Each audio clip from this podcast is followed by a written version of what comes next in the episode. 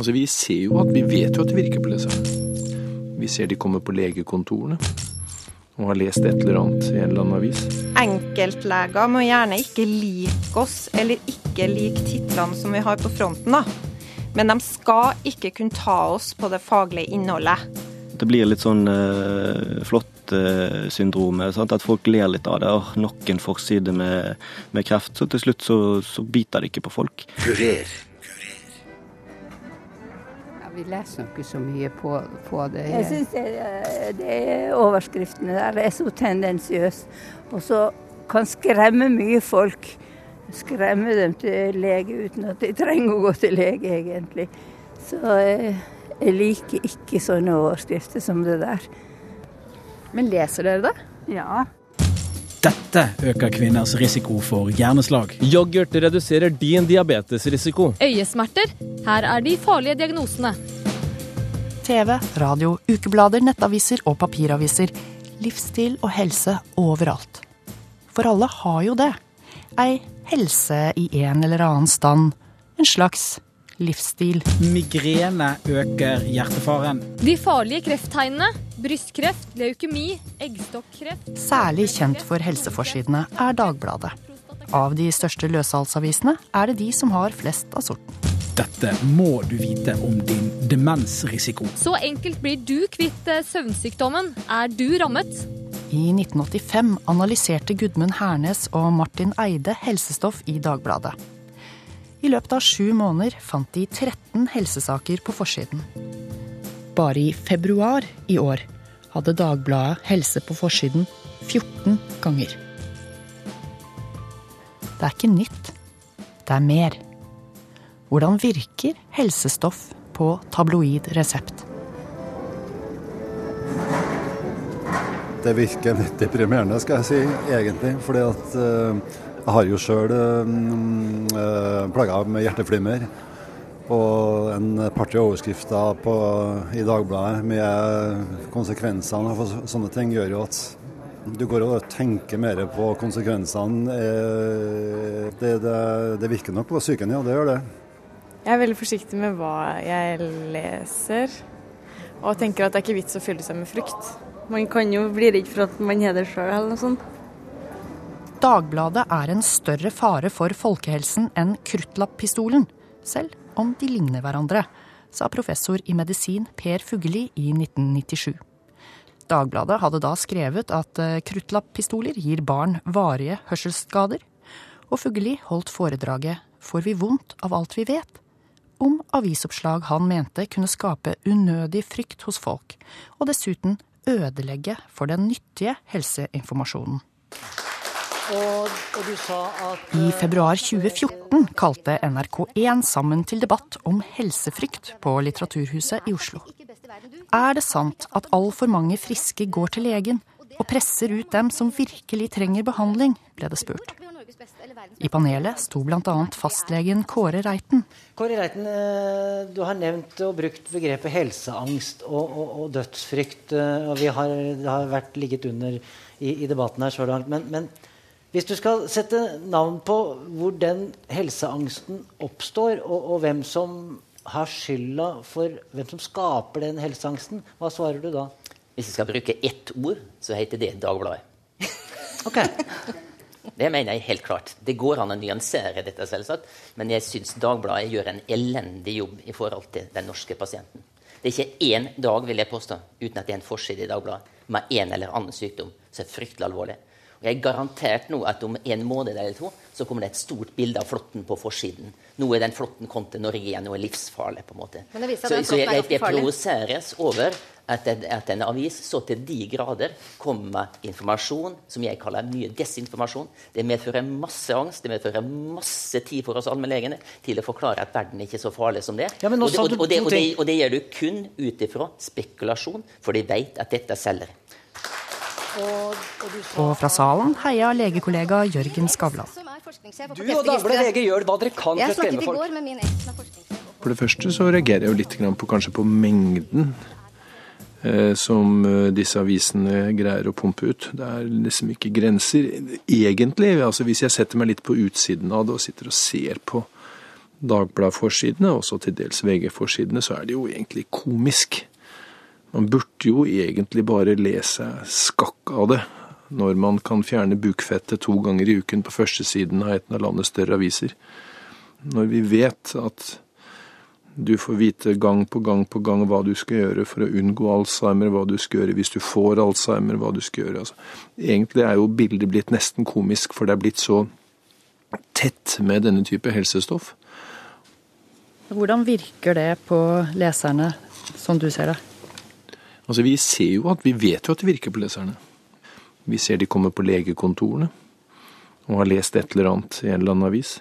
Vi har mange, mange eksempler. Og vi hadde, dette er flere år siden, hvor vi hadde en mann som kom gående inn med en, en pen liten lærkoffert. En veldig gammel mann.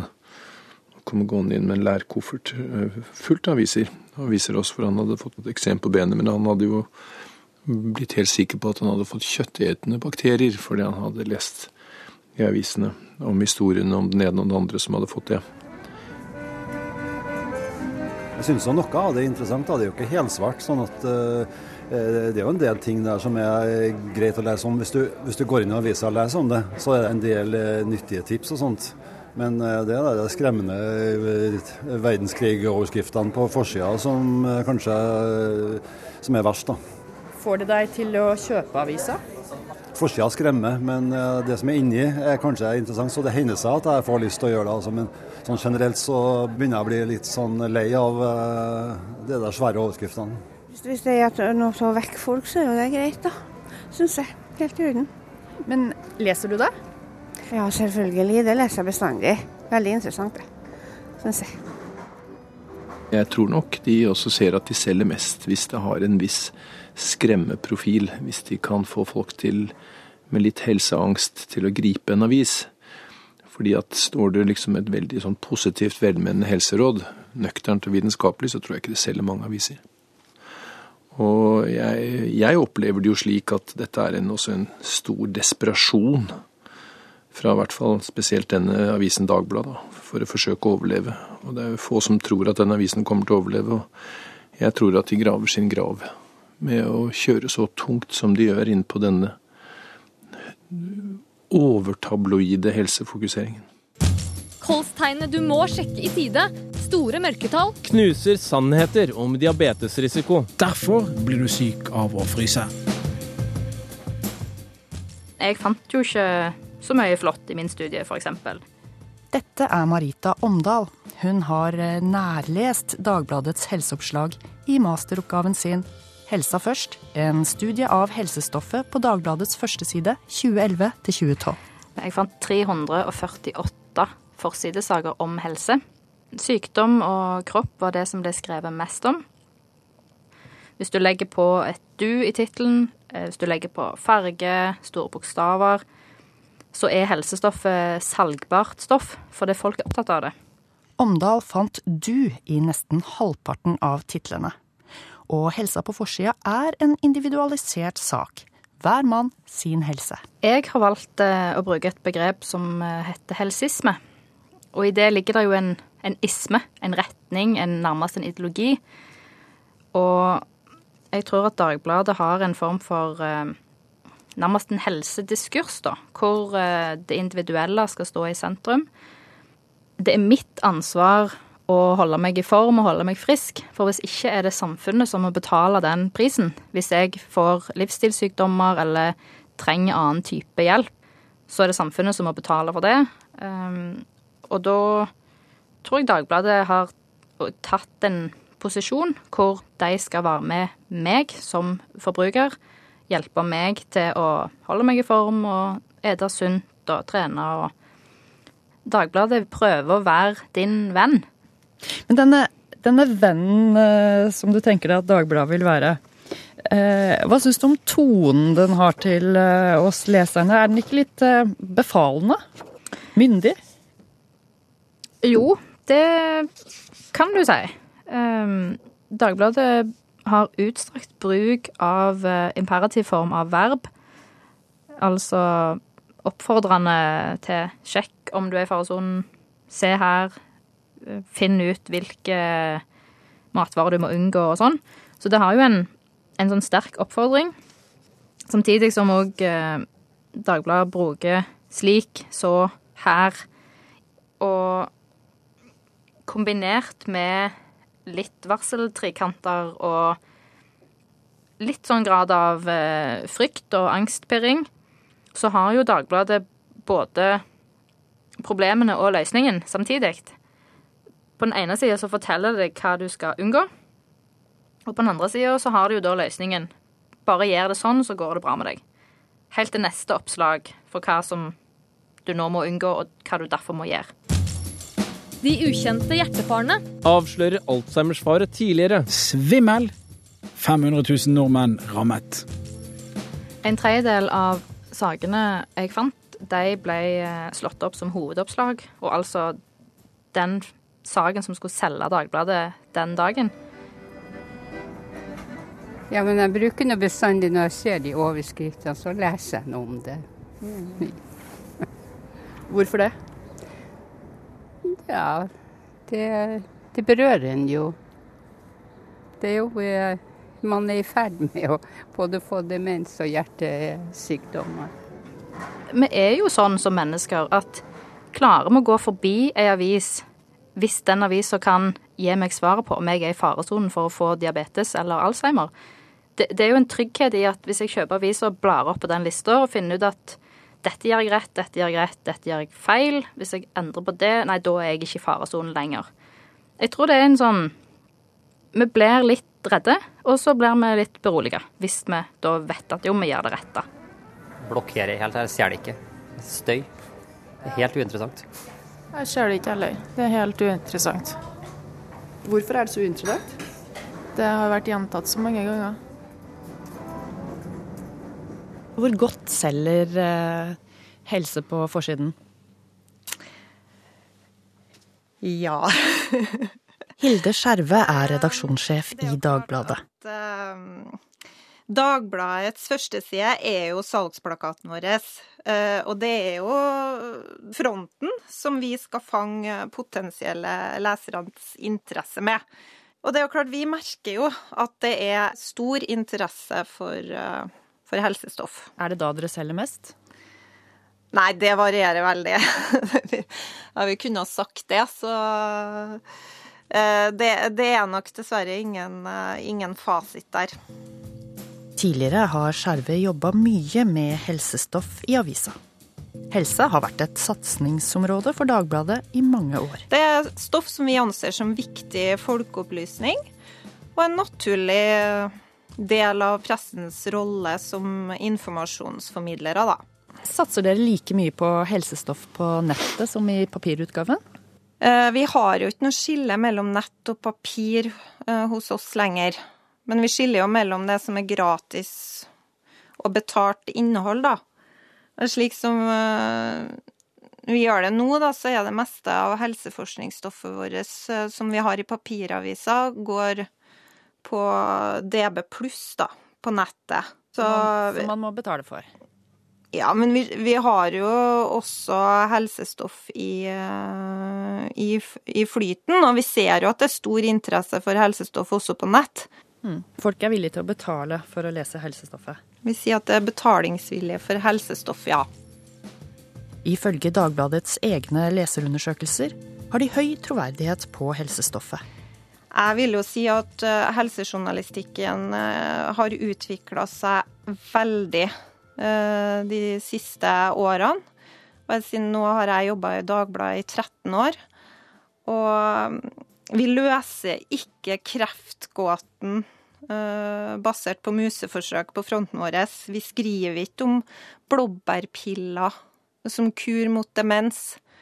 Uh, det berømte oppslaget vi hadde sent på 90-tallet med 'tørk støv, bli slank', uh, det ville aldri ha kommet på, på førstesida av Dagbladet i dag. Så det er altså kvaliteten på det som vi kan kalle kanskje den nyttebaserte helsejournalistikken, da, som har de her elementene av uh, What's in it for me, altså eksperter som gir råd og sånn, har aldri vært, uh, vært høyere, uh, høyere enn i dag. Og så vil jeg understreke også at Dagbladet tror ikke på mirakler og kvakksalveri. Selvfølgelig så skal forskningsjournalistikken vår ha en skolemedisinsk forankring, da. Hvis vi skal si at uh, ei pille virker mot noe, så skal det være doku, vitenskapelig dokumentasjon uh, for den påstanden. Og um, for at vi skal skrive om forskning i de her forbruker, eh, forbrukerhelsesakene våre, da, hvis vi kan kalle det eh, så må den forskninga være antatt og publisert i et anerkjent vitenskapelig tidsskrift. Og finner vi en helsenyhet i et annet nyhetsmedium, eh, internasjonalt eller nasjonalt, så går vi alltid til førstehåndskilden og søker opp originalartikkelen. Og journalistene sjøl vurderer forskningsfunnene, men konfererer også med fag, fageksperter, gjerne både norske og utenlandske. Og vel vitende om at forskningsmiljøene i Norge er ganske små, så har vi særlig de siste to årene blitt mer bevisst på å søke til miljøer også utenlands, for å klare å få, få fram motstemmer og nyansere forskningsfunnene. Som kanskje forskerne sjøl også innimellom overselger. Ja, Hva er det som avgjør hvor eh, ofte dere kan ha en sykdom på, samme sykdom på forsiden?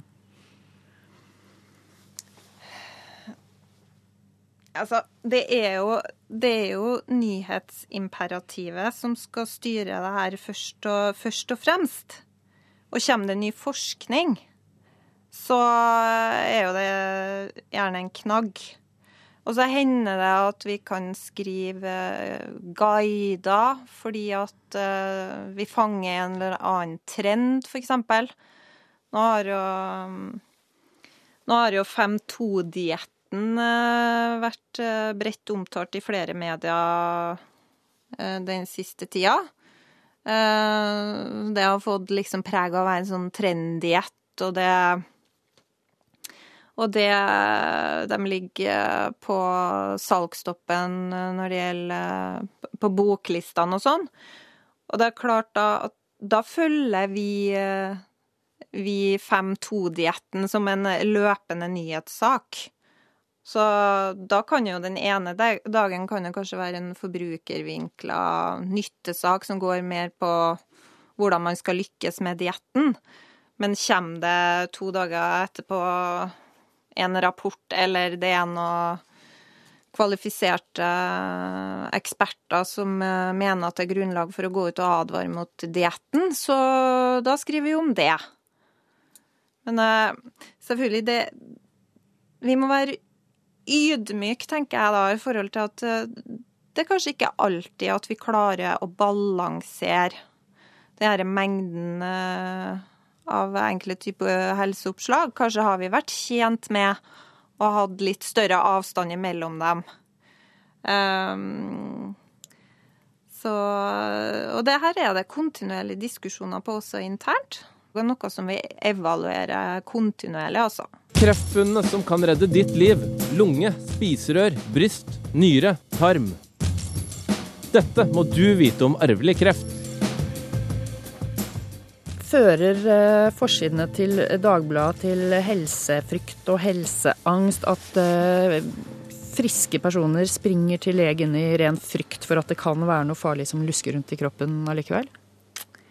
Jeg bruker å si at Dagbladet verken skal spre falske forhåpninger hos eh, dem som er syke, eller unødig angst hos dem som er friske. Og så skal vi selvfølgelig være ydmyke i forhold til at vi ikke alltid klarer å balansere det. Det er jo derfor vi har de her kontinuerlige diskusjonene også internt på frekvens og hyppighet av helseoppslagene våre. Enkeltleger må gjerne ikke like oss eller ikke like titlene som vi har på fronten, da. Men de skal ikke kunne ta oss på det faglige innholdet man eh, kan like eller ikke like tabloidavisenes måte å formidle på, men liker ikke, det er ikke noe dokumentasjon på at vi faktisk skremmer folk og gjør folk syke. Jeg syns ikke at vi skal undervurdere, undervurdere leserne, da.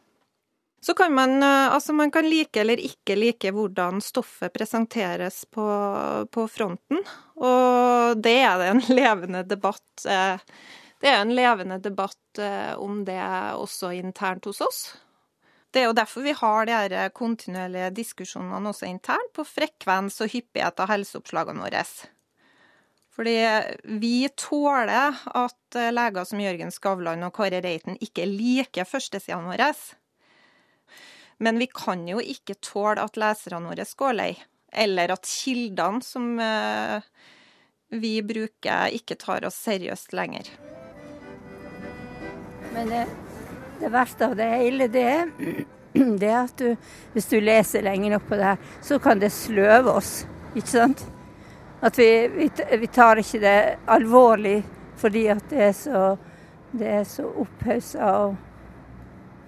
Så, så det, det er jo en, en bieffekt som ikke er bra. Krefttegnene du må se opp for. Prostata, føflekk, bryst, lunger, tarm. Det er klart disse oppslagene er på en måte litt tveegget, eh, slik vi ser det. Vi er, vi er, jo isolert sett glad for at det skrives eh, om kreft, men samtidig så kan det, måten det gjøres på når det, hvis det skrikes for høyt, så kan det kanskje virke mot sin hensikt. At folk tenker at nei, nå orker jeg ikke mer, eh, nå orker jeg ikke å lese mer om kreft. Altså at det blir litt sånn uh, flott, uh, flott uh, syndromet, Sant? At folk ler litt av det. Oh, nok en forside med, med, kreft. Og at dette med å rope ulv, ulv, så til slutt så, så biter det ikke på folk. Og det er dumt. Erik Vigander er pressesjef i Kreftforeningen, som ofte er brukt som kilde i Dagbladet. Det hender jo at uh, selve artikkelen er informativ og god, men uh, det er klart vi, vi liker ikke titler av typen kreftalarm eller sjokkrapport rapporter eller eh, Altså, vi, vi syns at uh, man kan få frem uh, fakta med på å si, inne, innestemme, men uh, så, lenge, så lenge innholdet er faktabasert, så, så, er vi glad fordi at det er viktig at informasjon om, om kreft og faresignaler osv. kommer frem. Mobilen kan gi hjernekreft. Så mye stråler din mobil. Er uh, angstpirring et mål med forsidene? Nei. Det er ikke det. Eh, men jeg har, jeg har, forståelse for at det er når vi har advarer, alarm og type risikovinklinger på front, da, kanskje det som vekker harme eh, hos deler av det medisinske miljøet. Men eh, faktum er jo at de aller fleste av helseoppslagene våre er er guide, eh, guider, altså de er løsningsorientert. Det er guide til grep du sjøl kan ta for å bedre helsa og livsstilen din. Som er viktig i forebygging av en rekke livsstilssykdommer, da. Er det ikke bra at uh, avisene setter fokus på helsa? Jo, det er det. Hvis jeg kan gjøre det på en nøktern og skikkelig redelig måte, så. Avisene ville jo, eller dagspressen ville jo kunne hatt en veldig fin rolle i det. Som folkeopplysere, som, opp, som muligheten til å bibringe oss noe positivt. Kunne skrive mer kanskje om øh, helsevesenet vårt, hvordan det fungerer. Kunne skrive mer om den positive siden av, av helsehverdagen i Norge. Enn bare at det blir så gjentagende banalisert. Mener lege og forsidekritiker Skavlan. Tilbake til Omdal, som studerte ett års helseforsider. Helse som eh, samfunnstema, det være seg eh, f.eks. sykehustabber eller kritikk av systemet som skal ivareta oss som borgere, da. Det trodde jeg at jeg kom til å finne en del av. Men det gjorde jeg altså ikke. Um, det var bare en ja, ytterst få saker som eh, inneholdt en form for kritikk mot myndigheter eller andre institusjoner som har et ansvar for eh, vår helse. Vi setter jo også søkelys på kritikkverdige forhold, saksbehandlingssvikt i Nav, Det kan være pasienter som er feilbehandla. Altså det som man kanskje kategoriserer mer som eh, pressens samfunnsrolle som vaktbikkje og være en eh, talsmann for den eh, lille mann i kampen mot det store systemet, da. Men det, det er mer av den forskningsbaserte helsejournalistikken er nok synligere på fronten enn den andre helsejournalistikken vi bedriver. Så hva med den berømmelige forsideflåtten? I år kom den første på Dagbladet 12. mars. Slått av VG-forsiden med to dager. Hvis ikke det har eh, vært interesse for helsestoffet vårt, så har vi selvfølgelig kutta det, har vi sikkert begrensa det. Vi får leve med det. Nei, det syns ikke vi skal. Jeg syns vi skal protestere på det. Ja. Syns vi skal at uh, at vi kan prøve å si noe om at du syns det skal, skal, drive mye mer nøktern journalistikk når det gjelder eh, sånn se, eh, Både sykdom og andre ting. Så skal de være mer redelige, syns jeg.